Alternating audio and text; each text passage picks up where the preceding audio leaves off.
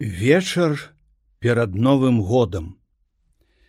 Воблакі, нібы туман закрывалі неба, моўчкі стаялі ля дома майго дзядзькі клёны і бярозы, а снежаныя яліны нагадвалі белыя слупы.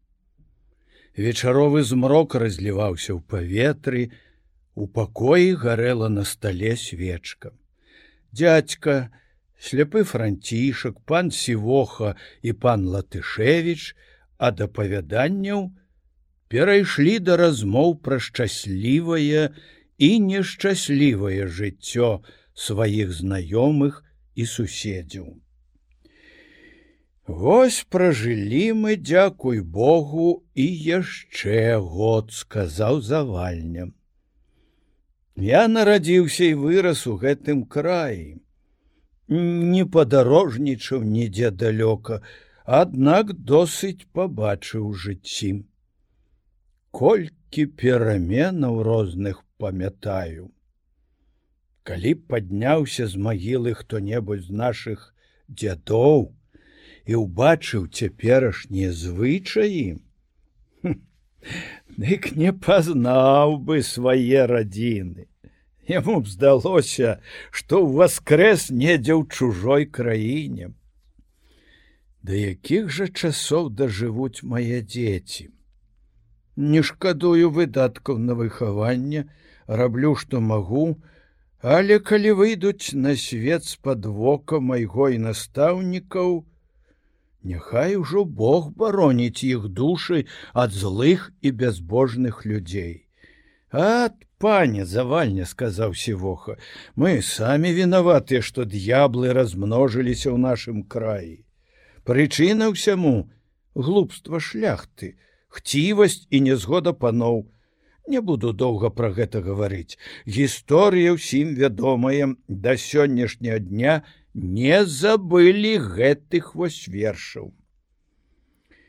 Кошка цяліцу забіла жук жаба кошку судзіла, А же справа была кепска, то пшэнеслі до вітэпска. А што зрабілі ў віцебску? Кошка быў з паноў, якія былі хцівымі да багацця і хацелі яго як найбольш мець. Абараняючыся сяброўскімі пратэкцыямі, ён не пакінуў, а яшчэ болей пачаў шкодзіць усім. Цяліца памёр за праўду і пра яго заўсёды ўспамінаюць як пра добрага чалавека. Так заўсёды ў нас сказаў пан латышевич за дзвіною ва ўшачах сабраліся на раду. Але досыць ужо пра гэта, калі я такое слухаю, мяне скруха забірае дойдзем хутка з такімі ўспамінамі да таго, што спаткаем новы год са слязьмі. Тым часам у чалядным пакоі заспяваў певень. Браво, браво, сказаў завальня, не трэба плакаць. Хутка будзе перамена, ледь пачаўся вечар, а ўжо і певень заспяваў. Гэта знак, што ўсходзіцца ветер і хто-небудзь з возера завітае да нас.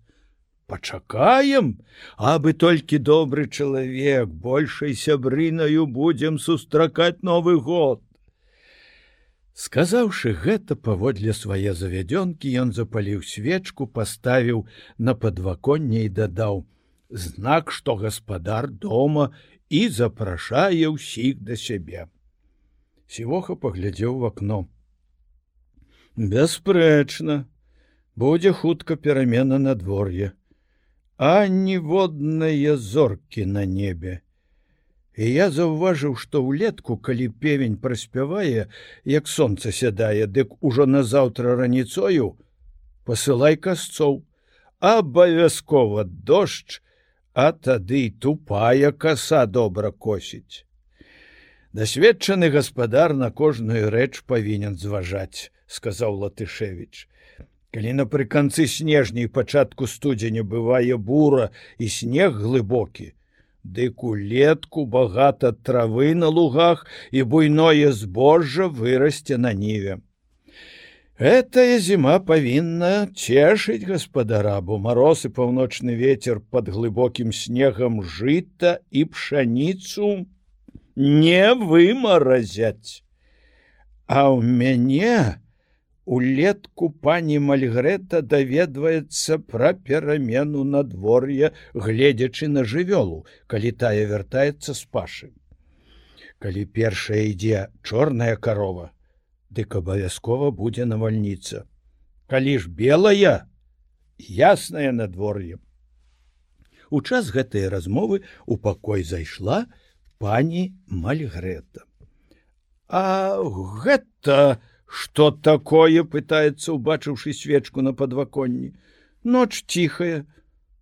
Подорожные не будуць блукаць по возеры вас пані не чула что нядаўна колькі разоў праспяваў певень.